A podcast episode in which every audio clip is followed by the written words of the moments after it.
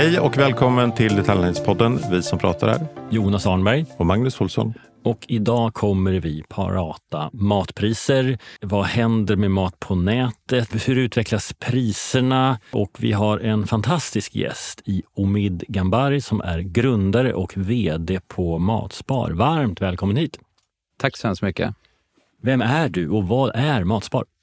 Om vi börjar med vem jag är då och min bakgrund. Jag har fru och två barn och studerade ekonomi med inriktning finans innan jag kom ut och började jobba inom Swedish Banking under tio år. Och under dessa tio år så har jag ständigt varit sugen på att göra någonting eget, trots att jag var på banken och lärde mig enormt mycket. Så jag testade mina vingar och startade två bolag 2011 och 2012, vilket var inom digitala tjänster, eh, rekryteringsbolag och ett e-handelsbolag med fokus på att egentligen driva trafik via sociala medier.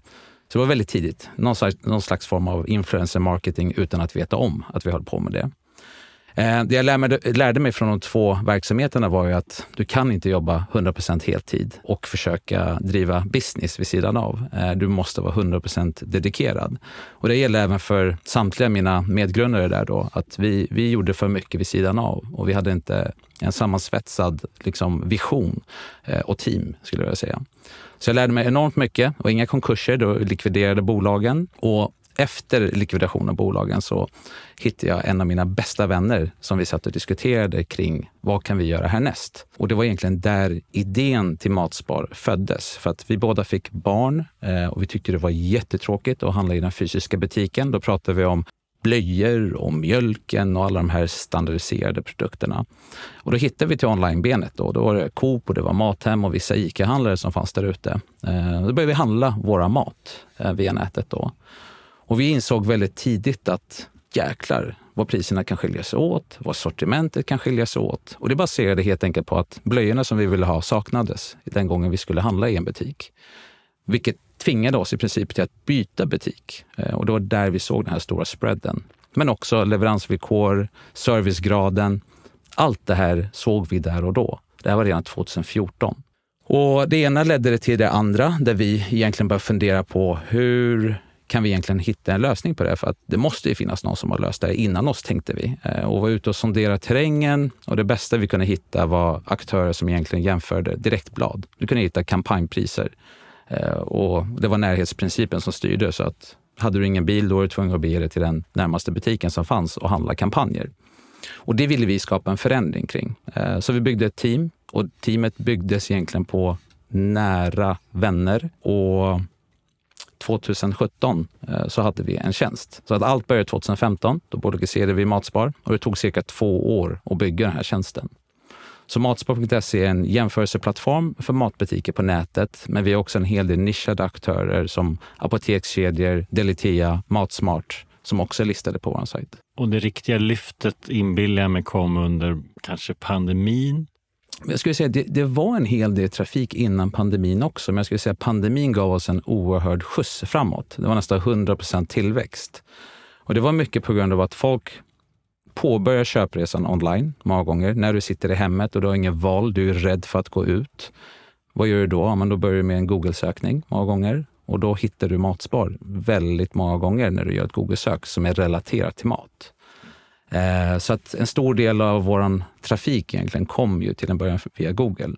Eh, så vi gick från cirka 100 000 besökare till 200 000 besökare bara under några månader.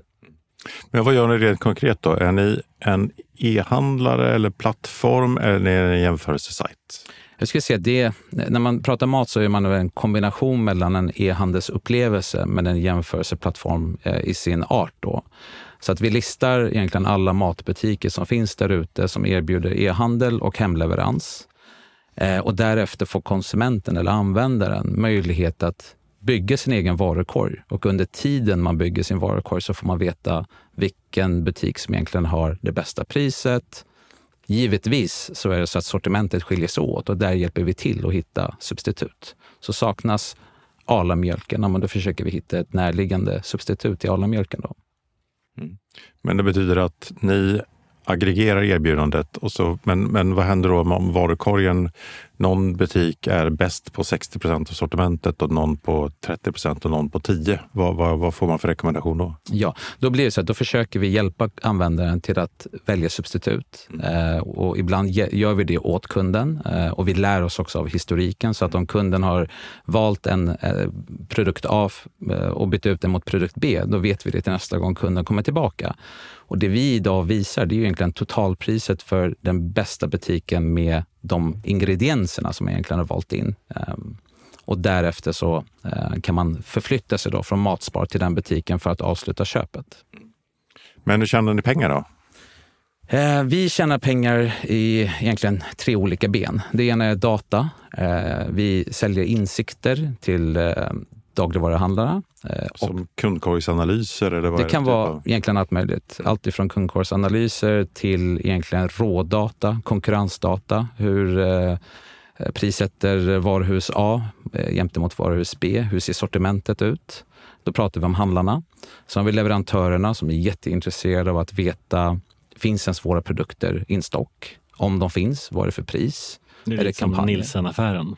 Ja, det, jag skulle säga delvis. Eh, vi, vi är ju egentligen um, samarbetspartner med Nielsen så att vi, vi föder ju en del data till dem som vi har en gemensam affär i. Då. Det andra benet är um, annonsering. Det är annonsering on-site eh, och via räckviddsmedia. Så där har vi partnerat upp oss med olika publishers men även annonsnätverk där vi ger leverantörerna möjlighet att kunna gå ut och marknadsföra sina produkter. Det kan vara allt ifrån integrerade annonser, native annonser i form av recept, med en slutdestination, vilket är Matspar, där man också får en hel del datainsikter. Men viktigast är att leverantören får möjlighet att kunna kommunicera sin produkt, men också vara med och påverka sin egen försäljning. Och det tredje benet är affiliate. Och det är inte den största affären skulle jag säga idag, men affiliate-benet är det benet som ger handlaren möjlighet att få utökad annonsering på Matspar. Och sker det ett köp så får vi en kickback tillbaka. Då. Låt oss eh, gå in på dagens agenda. Vi kommer prata om... Vi måste ju börja prata om prishöjningarna i mathandeln. Det är ju det stora samtalsämnet eh, runt eh, i alla vänskapskretsar och såklart också i podden. Och, och Sen går vi in och pratar mer din analys kring mat på nätet som mm. exploderade först och sen eh, dalade lite men nu är ändå igång igen. Eh, och till sist lite framtid. Mm. Men först, eh, matpriserna går upp. Eh, ge oss en bild, ge oss din bild av, av prisutvecklingen i mathandeln. Om vi nu tittar från och med covid fram till idag, egentligen, är egentligen från när kriget bröt ut eh, mellan Ryssland och Ukraina. Det var egentligen vid det skedet som vi såg att det blev en ganska stor obalans i hela världen. Eh, mycket på grund av att energipriserna steg och att det fanns en hel commodity som, eh, som egentligen både Ryssland och Ukraina föd, födde egentligen hela Europa med och delar av världen som bara ökade enormt mycket i pris. Det här ledde ju också, ett krig brukar ju också alltid skapa eh, lite oro i den finansiella marknaden. När man slår ihop liksom alla de här olika variablerna tillsammans så innebär det att osäkerhet i kombination med dyrare priser i de tillgångslagen som vi tycker är väldigt viktiga, som vi egentligen lever på dag till dag, innebär att alla kedjor påverkas. Alla delar i värdekedjan påverkas. Allt ifrån transportkostnader till att värma upp huset, alltså allt ifrån företag ända ner till individnivå. Och det här återspeglar sig direkt i maten som är en commodity som vi egentligen nyttjar varje dag. Vi människor, vi behöver äta. Om vi tittar på den svenska marknaden också speciellt så har vi sett en oerhörd prisuppgång jämfört med många andra länder, vilket jag tror beror främst på grund av att det inte finns en riktigt bra konkurrens. Eh, vi är tre stora aktörer som står för över 90 procent av all handel. Samtidigt så har det varit en eftersläpning av kostnadsmassan hos leverantörerna. Så leverantörerna har ju varit de som varit tvungna att försöka höja priserna mer medan handlarna inte velat göra det för att de vet att kunderna inte mäktar med det. Vem är det som har tagit den största smällen, leverantören eller handlarna? Det är svårt egentligen att se fullt ut idag. Jag tror att man behöver ge det något år till. Eh, men vi vet ju att tittar vi på leverantörssidan så är det många anställningar som försvinner i ett svep. Samma sak gäller hos handlarna. Och frågan är om man gör det medvetet, eh, för att det är en möjlighet eller om det är för att man faktiskt har det väldigt tufft för att få upp sin affär.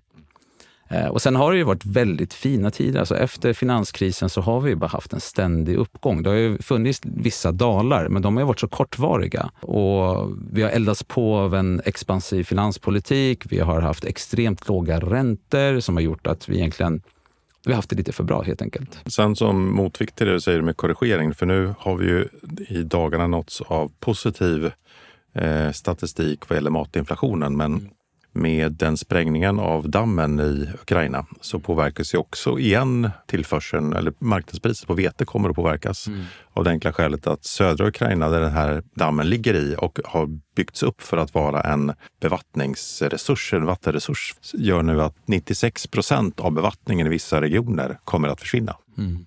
Eh, så att eh, vi är delvis tillbaka faktiskt där vi började. Och det kommer förmodligen inte bli bättre heller när vi närmar oss hösten och titta på energipriserna och liksom de åtaganden som vi har tagit nu, liksom ganska högt upp politiskt sett, för hur vi ska hantera vår energi framåt i, i satsningarna. Vilket har varit egentligen att man drar tillbaka en hel del satsningar.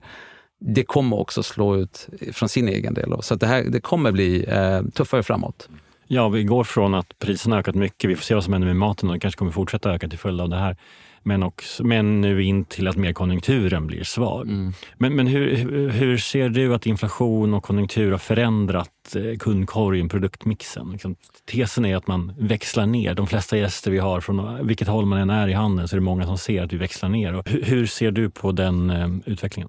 Ja, folk har varit tvungna att ändra på sina matvanor. Eh, bara för att få ihop sin vardag helt enkelt. Vi har ju så många, det vi pratade om tidigare, alltså inte nog bara att det är råvarupriser och det är liksom allt som vi nämnt. Vi har också högre räntor som gör att plånböckerna äts upp. Eh, det blir mindre pengar att kunna spendera, eh, vilket gör att man måste eh, se om sig och se omkring sig hela tiden. Så det vi ser då är att man börjar bunkra mat. Vi hade exempelvis ett sökord, bunkra mat helt enkelt, som drev ungefär 30-40 000 människor till Matspar bara under en månad. Men var det under pandemin eller efter? Det till och med efter. Alltså det, det var lite eftersläpande, men pan, det här var egentligen efter, först under pandemin, men också vid, efter kriget. Alltså när kriget drog igång, då blev folk jätteoroliga. Och då började man söka på bunkramat och vi såg att beteendet förändrades från att man började köpa produkter som har längre hållbarhet, gärna frysvaror. Man gick från färskt till fryst.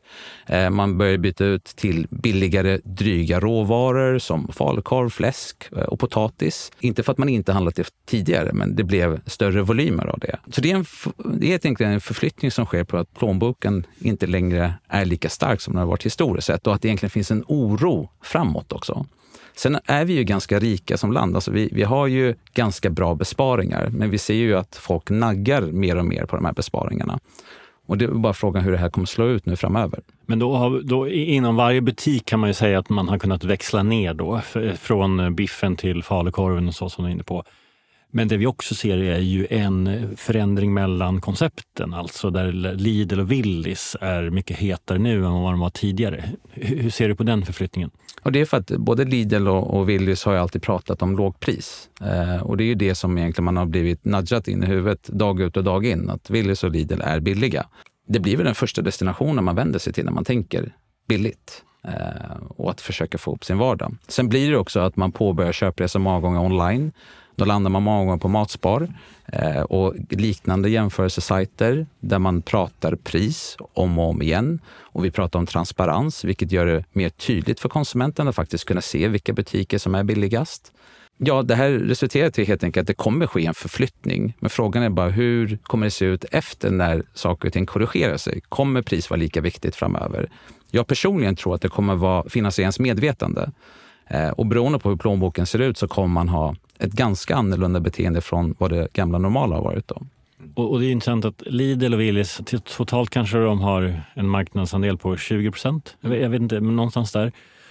Och de är nu nummer ett. Men, men, men vad, vad bety, hur stora kommer de bli? Hur, hur kommer de andra möta det? Hur, hur kommer har allivsbuti är allivsbutikens tid förbi och liksom Ica och Coop går mot, Coop lyfter fram sitt, eh, vad heter det, extra. Mm. Och vad gör Ica-handlarna och vad händer? Jag tror man behöver tänka om helt enkelt. Och, eh, jag tror transparens kommer tillbaka till just det ordet hela tiden. Att man börjar bli tydligare med, med sin kommunikation, vad, vad, vad faktiskt ICA står för. Eh, det är fyra olika format idag. Eh, sen har man ju liksom Apoteket Hjärtat och man har massa andra i, i, sin, i sin portfölj också. Men jag tror vi kunder har fortfarande inte förstått att det kan vara stora prisskillnader mellan en butik framför en annan, trots att de bara kan ligga 500 meter eller en kilometer ifrån varandra. Där tror jag det blir viktigare att kunna förstå varför skiljer sig priserna utifrån ett konsumentperspektiv. Är det sortimentet? Är det servicen? Vad är det egentligen man betalar för? För mjölk kommer alltid vara mjölk, speciellt när det är samma varumärke. Och vi som konsumenter vill ju inte betala mer. Men, men tror du att det kommer bli en, en, liksom ett enhetspris på hela marknaden för just basvaror som mjölk till exempel? Kommer det gå att ta mer betalt för mjölk och varför i så fall kan man göra det? Det är jättebra fråga. Eh, jag tror inte det kommer bli ett enhetspris. Om vi ser så här, utifrån styrkorna man har i sina balansräkningar så har ju vissa av de här aktörerna mycket mycket bättre priser in många gånger, vilket gör att man faktiskt kan välja hur man vill prissätta sin mjölk. Och beroende på storleken på kedja så kan man också styra över vart vill man tjäna sina pengar någonstans. Är det på mjölken eller är det på oxfilé? Så det handlar bara om strategi tror jag. Eh, vi konsumenter är ju inte alltid sådär jätteinnovativa när det gäller vår, vår matkasse. Mm. Eh, jag såg en undersökning som nu har några år på nacken från Tyskland där, där man hade ungefär samma inköpskorg varje vecka. Det var en dag med falukorv och en dag med, med eller i tyskarnas fall då, wurst. Eh, och, och liksom vi, vi förändrar oss inte särskilt mycket. Eh, och då tänker jag att då borde man med datans hjälp kunna hitta vilka kritiska produkter är det över tid och ändå hitta någon form av, av gemensamt normalpris på det, där det inte går. Eller rättare sagt, konkurrensen tvingar aktörerna till att hitta en gemensam prisbild. Så får man konkurrera på annat sätt. Mm. Vad tror du det? Det kan vara möjligt. Mm. Eh, jag har fortfarande svårt att se det, för jag kan inte se det liksom på någon annan marknad hittills. Fast ni levererar ju data som gör det att alla kan förstå vad man behöver göra. Ja, men sen har ju som sagt de olika kostnadsmassor, man har olika antalet varuhus, eh, man har olika servicegrad. Går du in på en Lidl så är det i princip omöjligt att kunna hitta personal och kunna ställa frågor. Det är liksom inte... Och det är väl också så här, eh, även om... Alltså, varför går jag till den butiken? Och, och det kanske inte är mjölkpriset som är, drar mig, utan det är en kampanj på någonting. Och då när jag väl är där så kan ju handlaren välja att vara konkurrenskraftig eller passa på att höja mjölken. För, för att om den kostar två spänn mer eller mindre kanske jag då inte bryr mig om. Liksom. Men så, så har det alltid sett ut, skulle jag säga Jonas. Att det är ju, kampanjen är ju själva inkastarna till butiken. Eh, och sen försöker man tjäna pengar någon annanstans. Och, och, i slutändan så är ju också kampanjen subventionerad av leverantören. Eh, så det handlar ju väldigt mycket om vad har man för relationer med leverantörerna och hur snabbt växer man också med sin egen produktportfölj. Eh, här ser vi, ju liksom, om vi backar bandet till 2008, så hade vi liksom en private label-penetration runt 8% 8,5% Idag är vi närmare 30 och det är stora volymer. Så jag tror att det handlar om också vad man skapar för relation till konsumenten eh, och vad jag får för upplevelse kring de produkterna som jag köper från handlaren. Eh, mjölk kommer vara mjölk. Frågan är bara liksom om labeln kommer vara lika viktig framöver. Jag personligen tror det, för att label har ju också att göra med mycket mer än bara en ingrediens. Det har också att göra med en livsstil. För mat är populärkultur i slutändan. Vi ska strax gå vidare, men som avslutning kring prisökningarna. Vad har du för prognos för matprisernas utveckling i höst? Har vi sett de högsta prisökningarna? Just nu, ja. Men det är omöjligt att säga om. Eh, det återstår helt enkelt att se hur ränteutvecklingen kommer att vara på finansmarknaden, hur den här dammen kommer att påverka vetepriserna framöver. Sen det är bara att titta ut genom fönstret. Det har varit soligt rätt bra nu. Det, det går, vi går mot en av de sämsta skördarna mm. sedan 50-talet, säger vissa prognosmakare. Det eh, kan hända mycket. Det kan hända väldigt mycket. Men vi får inte heller glömma att maten aldrig varit så billig som den är idag. Alltså om man tittar på den disponibla inkomsten. Eh, tidigare så låg maten för cirka 20 procent av den disponibla inkomsten. Idag ligger den runt 12 procent. Så det finns en ganska bra liksom, bit upp till 20 om vi ska gå till vad det var på 70 80-talet. Men sen lever vi också i en global värld så att allting har ju blivit lite billigare. Och sen är det ju ändå så att vi inte har sparat det vi har tjänat på mat utan vi har, vi har, vi har skaffat oss nya utgifter inom alla möjliga områden. Det är ju också intressant att titta på hur vi ändå har lyckats att samtidigt som mat har gått ner, som du säger, en viktig kostnadsslag, vi äter den varje dag, så vi ersatt det med, med en latte till jobbet, vi ersatt det med resor, nöjen, streamingtjänster, allt möjligt möjligt annat som har gjort att vi ändå är skuldsatt, mer skuldsatta än någonsin. Det är också ja, ja. intressant i liksom, vad vanor och att äta gott på restaurang vill man gärna fortsätta med fast konjunkturen blir sämre. Och skulle man tvingas dra ner på det, då kanske vi ändå fortsätter att lyxa ganska mycket i dagligvaruhandeln. Och så.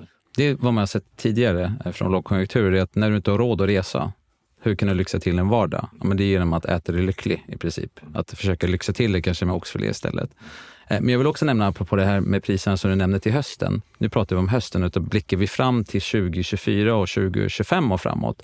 Där tror jag faktiskt att priserna kan stiga. Och det är också mycket på grund av vad som händer i världen. Eh, många företag håller på att lämna exempelvis kinesiska, eh, kinesisk produktion. Man börjar ta hem det till sina egna marknader, vilket också direkt innebär att det blir mycket dyrare, dyrare med de regelverk vi har i våra länder. Och liksom, ja, så att det, jag, jag, tror definitivt att det kan bli dyrare framöver, men till hösten så tror jag att um, jag tror att det kommer korrigeras och kanske ligga på en nivå eh, i samma nivå som jag har varit nu. Då. Och med, vem är det egentligen som använder Matspar? Vad kan du berätta om användarna? Jag skulle kunna säga nästan alla förutom Magnus här då. Nej. Nej, men skämt åsido. Om vi tittar 12 månader rullande så har vi haft cirka 3,6 miljoner olika devices som har besökt Matspar. Så jag skulle säga att en stor del av Sveriges befolkning på ett eller annat sätt har i alla fall kommit i kontakt med oss. Sen vad det exakta behovet har varit, det är svårt att säga för att det var allt ifrån att man har velat identifiera en produkt som man vill bulkköpa, eh, att man vill påbörja köpresan på nätet för att se vilken butik man helt enkelt som vinner. Eh, det kan vara att man är nyfiken på vad en produkt har för allergener för att sen bege sig ut i en fysisk butik. Så, så vi ser en, en ganska eh, varierande population som har olika sätt att använda vår tjänst. Och hur har det utvecklats under de senaste åren? Då? För att, naturligt är ju att, som du själv nämnde, att man Många började under pandemin när man var, liksom var tvungen att kolla innan man gick till butik mm. eller när man skulle börja handla. Eh, och sen så finns det en annan målgrupp som kom in när det blev mer prispressat, man faktiskt behövde handla billigt. Eh, hur hur liksom ser, ser trafikkurvan ut eh, de senaste åren? Trafikkurvan pekar rakt uppåt skulle jag säga just nu. Hela tiden? Ja, jag kan säga, alltid under sommaren så, får den, eh, så blir den lite dämpad och det är också mycket på grund av att folk är ute och rör på sig mer. Eh, man flyttar. Det ser man jättetydligt i dagligvaruindex också som mäter mathandelns utveckling och, och också e-handeln. Mm. Det är ju ingen som handlar mat på nätet på sommaren. Nej, För man är ju inte hemma. Ja, det är möjligtvis de som är ute på ön och inte har något val. Men man ser liksom att folk är mer rörliga. Det har ju uteslutande med vädret att göra. Det ser vi också liksom en dag när det är regnigt. Ja, men då får vi en eh, betydligt bättre trafikinförsel till Matspar. Då.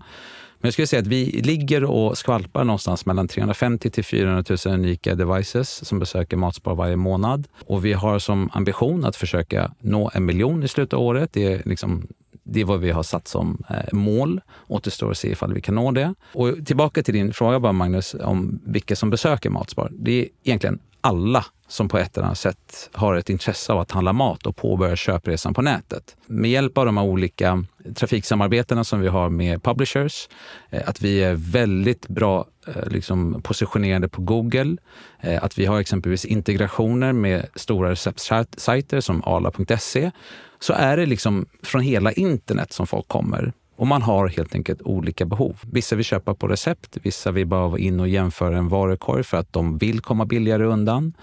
Eh, och vissa vill bara kunna bulkköpa produkter. hur många kommer från Google och hur många liksom har ni som som heavy users? Heavy users. Jag skulle säga ungefär 70 procent kommer från Google. Mm. Eh, sen är det runt 10 till 15 procent som kommer ifrån eh, trafiksamarbeten. Och sen är det, Analytics har ju blivit lite svårare att kunna mäta just nu. Men jag skulle säga att eh, det är omöjligt att säga exakt vilka som är återkommande, men runt 30-40 procent skulle jag säga återkommande under månadsbasis. Då. Och de som kommer in, är de ute efter att handla mat på nätet eller kommer de framförallt ur en prisjämförelse liksom ingång? De kommer utifrån en prisjämförelse ingång. Och, och kanske vill då handla lokalt? I en butik. De vill många gånger kunna handla både lokalt och vår uppgift är att försöka se till att de handlar på nätet. Men vi vet att många inköpslistor som byggs hos oss används sen i en fysisk butik. Och det, går väl, och det fungerar så också? För jag blir ju rekommenderad en butik. Jag skulle lika gärna kunna gå dit. Ja, jag skulle säga delvis så funkar det på det sättet. Så att idag så har ju, om vi tittar på ICA-handlarna, beroende på vad det är för handlare, så är det handlaren själv som bestämmer vad de ska ha för priser online. Och priserna kan vara liksom en, ett flat påslag eller att man liksom har olika priser på olika produkter utefter vad man har för strategi. Men man har en helt annan prisbild i den fysiska butiken. Vissa handlare har varit väldigt tydliga och transparenta och sagt att vi har samma pris online som vi har offline. Sen har vi Willys, vi har Hemköp som går ut och säger att onlinepriset ska vara detsamma som offlinepriset. Vi har Coop som säger att priset ska egentligen vara ungefär i samma nivå som stora Coop. Men jag skulle inte kunna säga eh, att det stämmer fullt ut för alla dessa butiker. som sagt. Så att vi ser ju diffar även från de aktörerna som säger att de har samma pris online som offline. Du är inne på något väldigt intressant här nu, för man blir dirigerad. När jag handlade senast, då hamnade jag i, på ICA Sigtuna. Mm.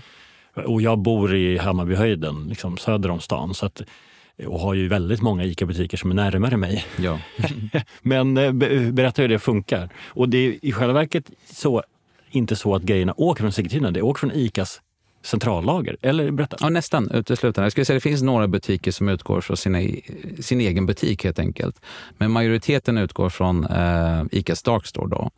Eh, Men Sigtuna all... fick den här affären av mig? Ja, Sigtuna får ju den för att de hade bäst pris. Att... och de, behöver inte, de har inte det priset i den fysiska butiken då, säger du? Inte men, nödvändigtvis, men de det beror på handlaren. liksom e-handelsaffären här? Så kan det vara i, i många fall. Eh, så att det kan ju vara så att just Sigtuna-butiken, jag har tyvärr inte koll på ifall de har samma pris online eller offline, för det är 72 ICA-butiker som ändrar eh, från månad till månad skulle jag säga sina strategier. Men jag tror att de flesta maxiformaten nu framöver, eh, frågan är bara när, kommer gå över till att samma pris online som offline. Det pratar du Stockholm nu eller pratar du? Nu pratar jag egentligen eh, Sverige Worldwide. generellt. Ja. Ja. Worldwide, ja. precis. Men det här är också därför den här Brottbyhandlaren har blivit liksom berömd. Vad är det grejen där? Ja, han blev berömd för att han hade en ICA Nära-butik ute i Vallentuna eh, som var ute och konkurrerade med alla de stora handlarna på nätet där han var i princip billigast under en ganska lång period. Och Det skapar ju lite tumult bland ICA-handlarna. Sen tror jag att man har lärt sig väldigt mycket från honom också. Det är det här som jag tycker är så fint med själva ICAs affärsmodell. Det är att man lär sig från varandra och man kan ändra sina strategier under tidens gång. Så nu ser vi exempelvis att ICA Sigtuna vann i din kasse. Och sen behöver det liksom för Magnus kasse behöver inte vara ICA Sigtuna. Det beror på vad, vad Magnus har för preferenser och vad han väljer för produkter vid det givna tillfället när han ska handla. Alltså som konsument älskar man ju det här. Alltså dagligvaruhandeln har ju levt med lokala monopol där jag lägger en väldigt stor andel av mina köp i, i den Coop som ligger närmast där jag mm. bor. Eh, och egentligen inte titta så mycket på pris för att det viktigaste är att inte bära så, så lång, tungt långt hem. Liksom. Men, eh, men långsamt så får ju den här branschen en väldigt härlig priskonkurrens. Definitivt. Och det är det här som jag älskar med online. Online handlar, alltså hela internet handlar om transparens. Och jag skulle säga att man, har kommit, man är fortfarande bra bit ifrån att jobba helt transparent eh, inom dagligvaruhandeln. Det, man har en, mycket att göra skulle jag säga.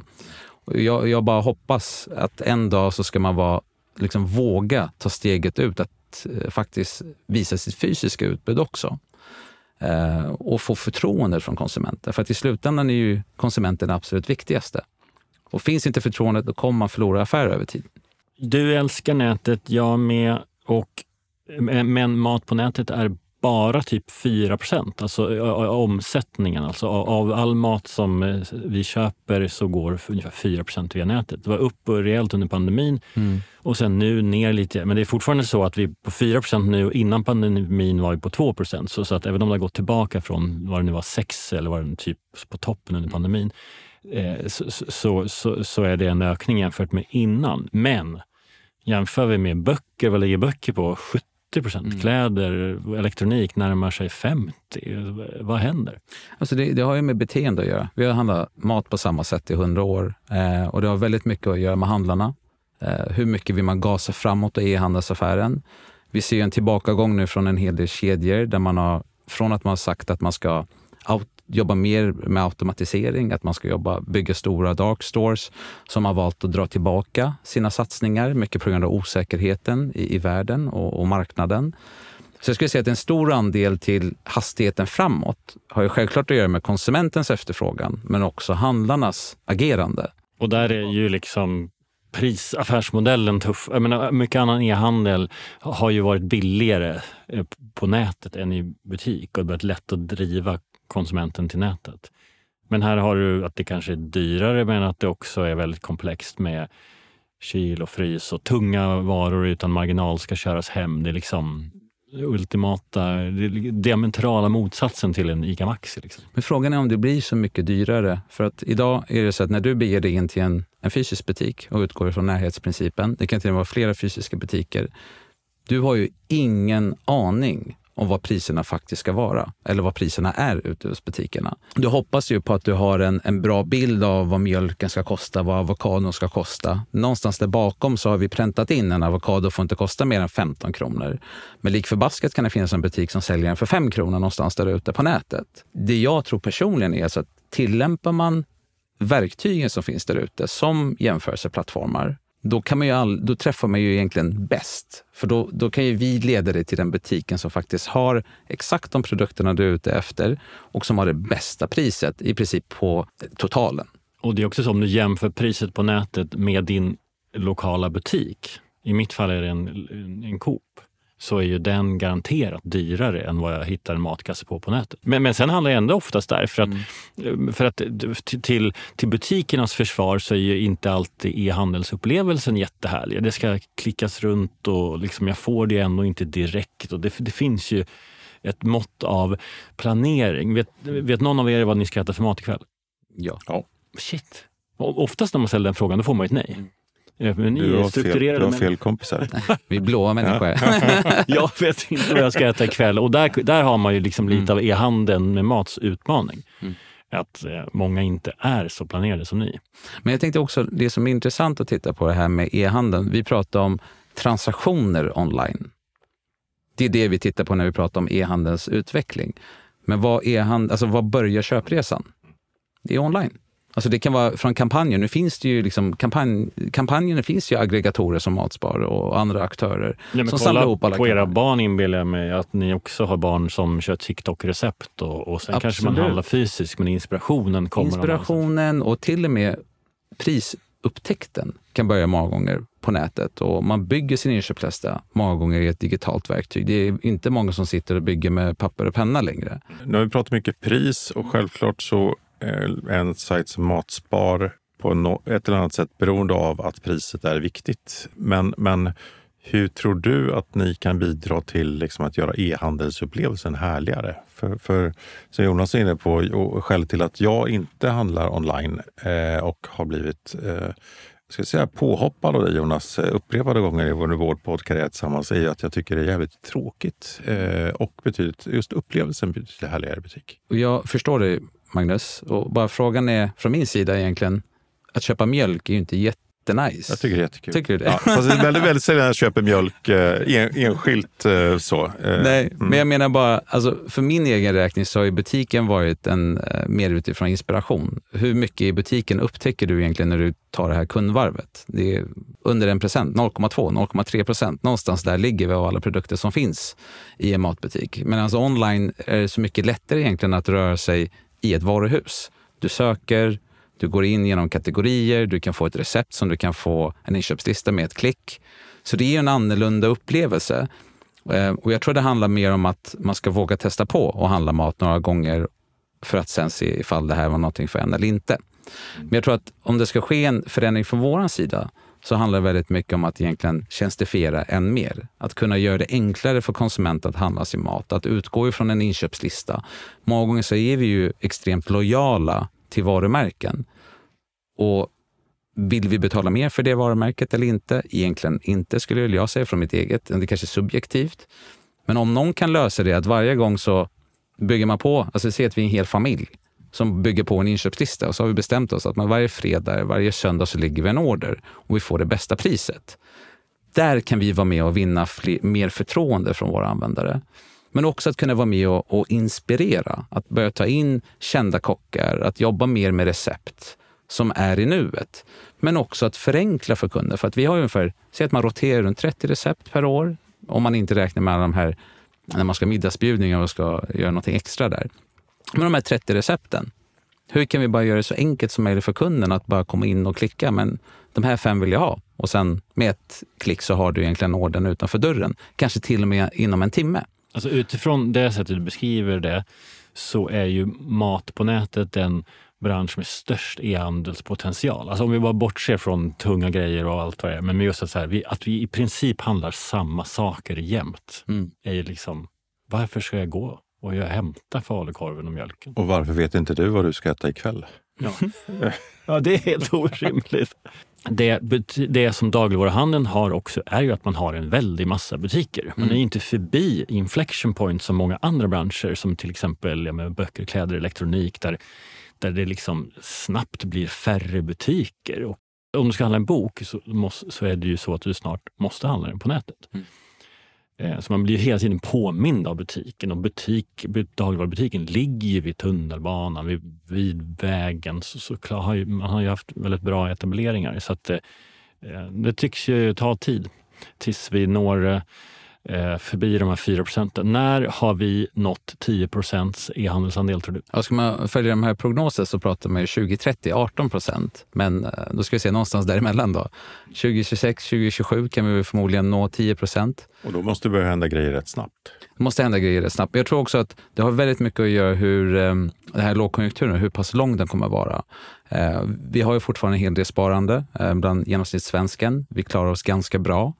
Eh, frågan är när det, när det sparandet börjar bli slut helt enkelt. Eh, Ja, men samtidigt driver ju lågkonjunkturen att vi söker priser ännu mer och så, att vi ger oss ut. Och, och ta, alltså om dagligvaruhandeln är jättelångsam ut, då, då är det ändå delar i sortimentet som digitaliseras. Som ta huvudvärkstabletter eller snuset. Alltså det finns jättemånga olika plattformar där ute, eller e-handlare, som erbjuder att att man börjar köpa delar av dagligvaruhandelns sortiment på nätet utan att ICA liksom har en e-handelsstrategi.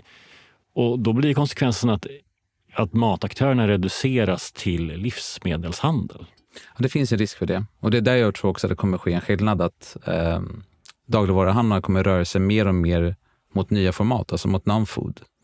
Eh, och där kommer ju också in dialogen kring marknadsplatser. Vad finns det för verktyg där ute så att en stor handlare bara kan jacka in och bli en marknadsplats och plötsligt börja sälja trampoliner? Så det, och, eh, och jag tror att de sitter ju, om vi tittar på de här stora kedjorna, tittar du på Axfood så har man Apohem. Tittar man på eh, ICA så har Apoteket Hjärtat och så vidare. Så att de här produkterna ligger ju fortfarande, fortfarande, eller de här formaten finns ju fortfarande inom koncernen. Frågan är bara när de trillar in i själva dagligvaruhandelsköpet också. Och med, vi har pratat om pandemieffekter och att e-handeln på mat tog ett språng under pandemin. Eh, en annan sak som tog ett språng var ju hela D2C-effekten eh, där leverantörerna och varumärkena gick förbi sina återförsäljarled och ville gå direkt mot eh, slutkonsument. Är e-handeln bra eller dålig för leverantörerna, tror du? Och finns det, finns det något väg runt det här oligopolet som man ofta pratar om?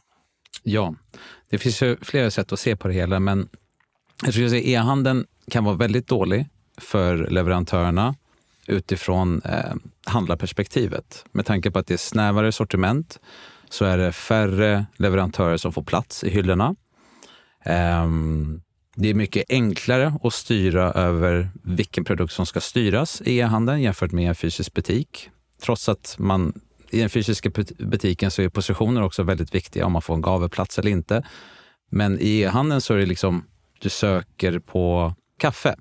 Vem är det som syns högst upp, där egentligen beslutet tas? De första två till tre raderna. Där kan handlaren helt enkelt bara fasa ut leverantören och sätta dem sist, om inte de betalar för det. Så att utifrån det perspektivet så har ju leverantörerna väldigt stora utmaningar i e-handeln. Men det finns ju en ny möjlighet, vilket är marknadsplatser eh, och aktörer som egentligen skapar en möjlighet för leverantören att direkt kunna kommunicera med konsumenten. Det är någonting som jag tror kommer vara avgörande för leverantörernas framtid. Och då blir man mer av en Zalando-aktör som inte liksom pushar sina egna varumärken så mycket, utan man är bara en marknadsplats helt enkelt för andra. Ja, vi kan ta ett exempel bara som en jämförelseplattform vilka möjligheter som ges där, där du egentligen har kontrollen över all mat som finns redan som det är på nätet. Men där du också kan lägga till ett ytterligare ben som är en marknadsplats. Eh, vilket gör också att vi som konsumenter inte bara får närhetsprincipen, för närhetsprincipen råder även på nätet. Eh, du kan handla till ett visst pris i Stockholm Men det är inte samma pris som råder i Göteborg, även om det är samma kedja. Men en marknadsplats skulle kunna ha samma pris över hela landet, givet att det går att lösa med, liksom, med logistiken, vilket jag tror är fullt möjligt. Så för som en bara summering av det hela. Jag tror att leverantörerna har en otrolig möjlighet framöver eh, av att börja hitta partners som de kan samarbeta med för att egentligen gå förbi hela liksom, retail-ledet. Man såg ju något initiativ från Ben Jerrys, särskilt under pandemin. Och de har ju samarbeten med Foodora mm. och sådär så att du kan liksom när du köper en pizza eller vad du gör så, så passar du på att slänga på en Ben Jerrys också. Så har de små hubbar utläm- där, där liksom buden kan cykla förbi och, och plocka upp glassen. Det stämmer. Jag har till och med sett eh, sådana kylskåp mm. ute i restaurangen också. Så direkt när du kommer och hämtar maten så kan du eh, plocka med en, um, en Ben Jerry också. Men även liksom Foodora Market har ju sina hubbar som du nämner, där de har kylskåp med liksom Ben Jerry. Så handlar kunden till och med hos en annan aktör, än, eller egentligen på Foodora Market, då kan slänga med Ben Jerrys också. Men om vi, om vi sammanfattar det vi diskuterat nu så är ju den, den korta sammanfattningen är ju att vi fortfarande bara är på 4% men att e-handeln ju har otroligt många fördelar och är stor potential. Eh, vad, vad, säger du? Sammanfatta lite bättre än mig. Ja, som sagt, det finns en stor potential för e-handeln, för dagligvaruhandeln. Eh, och den styrs väldigt mycket över hur de här stora aktörerna vill gasa framåt i den här satsningen. Jag tror det är väldigt avgörande. Jag tror också möjligheten med marknadsplatser i framtiden kommer öppna upp helt nya affärer för leverantörerna som kan börja sälja direkt till, till kunderna. Tittar vi utifrån ett prisperspektiv så tror jag att fler och fler kommer ändra på sitt beteende framöver, i alla fall hur man påbörjar sin köpresa. Inte nödvändigtvis att man alltid kommer avsluta den online, men vart påbörjas köpresan och vem blir handlaren som vinner? Det är egentligen det som jag ser som det stora intresset nu framöver utifrån ett konsumentperspektiv. Eh, sen har vi ju liksom alla utmaningar som vi pratat om. Det här med vad som händer på världsmarknaden. Vad kommer hända nu med inflationen framöver? Eh, hur kommer räntorna egentligen äta upp stora delar av våra, liksom, av alla våra nöjen i framtiden som vi egentligen som vi har, våra vanor som vi har. Och hur bryter vi, eller vi, men hur bryter e-handlarna på nätet liksom vanorna i att man åker förbi butiken? Och liksom, när ska Magnus och alla andra inse att köpa mat på nätet är liksom det bästa som finns. Jag vill bara påstå att vi är 96 procent av volymerna. så att eh, snarare kan man ifrågasätta varför man handlar eh, mat online. Och, och, eh, vi har ju lyft det några gånger att jag hör ju till dem som eh, av, av väldigt många skäl faktiskt inte handlar mat online. Till skillnad från dig Jonas som är mycket mer urban och eh, modern. Men för mig är mat till exempel en högintresseprodukt, eh, vilket innebär att jag tycker om att upptäcka. Eh, där har vi pratat om att nätet inte är liksom ultimat i kundupplevelsen idag. Jag vill dessutom se produkterna. Eh, jag bor nära en ICA Maxi-butik som har plock i butik. Jag ser vilka det är som plockar och jag vill inte ge dem förtroendet att, att välja vilken köttbit jag ska ha. Så mycket kan jag bara säga. Jag, jag litar inte på kylkedjorna heller för den delen. Jag tycker att, att jag tycker det är svårt att hitta, eh, att, att liksom utforska ett sortiment online. Och dessutom vill jag inte passa tider där jag ska vara hemma.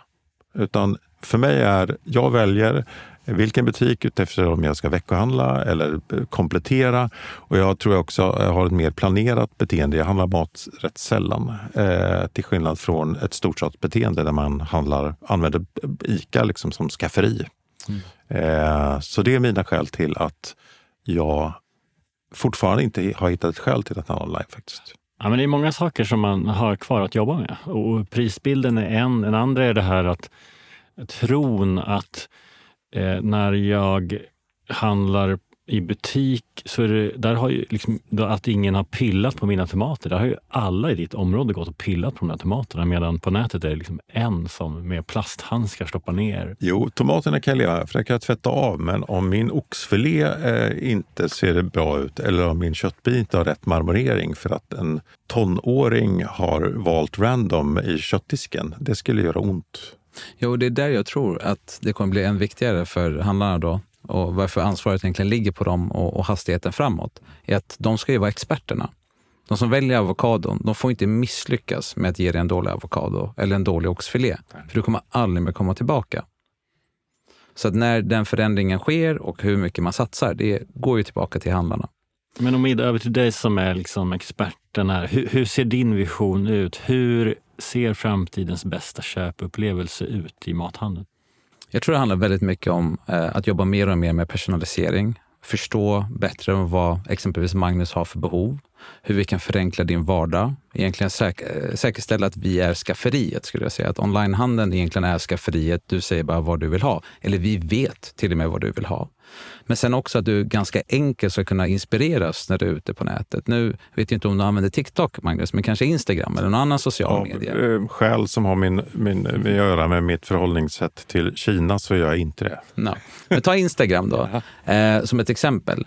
Eh, då ser vi liksom en stor del av all content som finns på Instagram är ju matrelaterat. Och ser du någonting som gör att det eh, liksom att du verkligen blir sugen och att det bara ja, helt enkelt, det där vill jag ha. Då ska du egentligen bara med ett klick kunna ha det i din varukorg. Och då är bara frågan, om det nu är så att transaktionen ska gå online, det tycker jag inte jag är jätteviktigt, men att din inköpslista ägs online, det tror jag är det absolut viktigaste och att man då kan också dirigera dig om du nu vill lägga ordern nu och få det inom en timme, eller om du vill ha det imorgon, eller om du vill ge, bege dig ut till butiken på fredag. Det tror jag kommer vara det viktigaste om, liksom om jag ska blicka framåt. Sen tror jag också väldigt mycket på det här som jag nämnde tidigare, att leverantörerna kommer hitta nya kanaler för att börja kommunicera direkt med konsumenten. Eh, antingen själva eller i syndikat. Eh, det tror jag väldigt mycket på.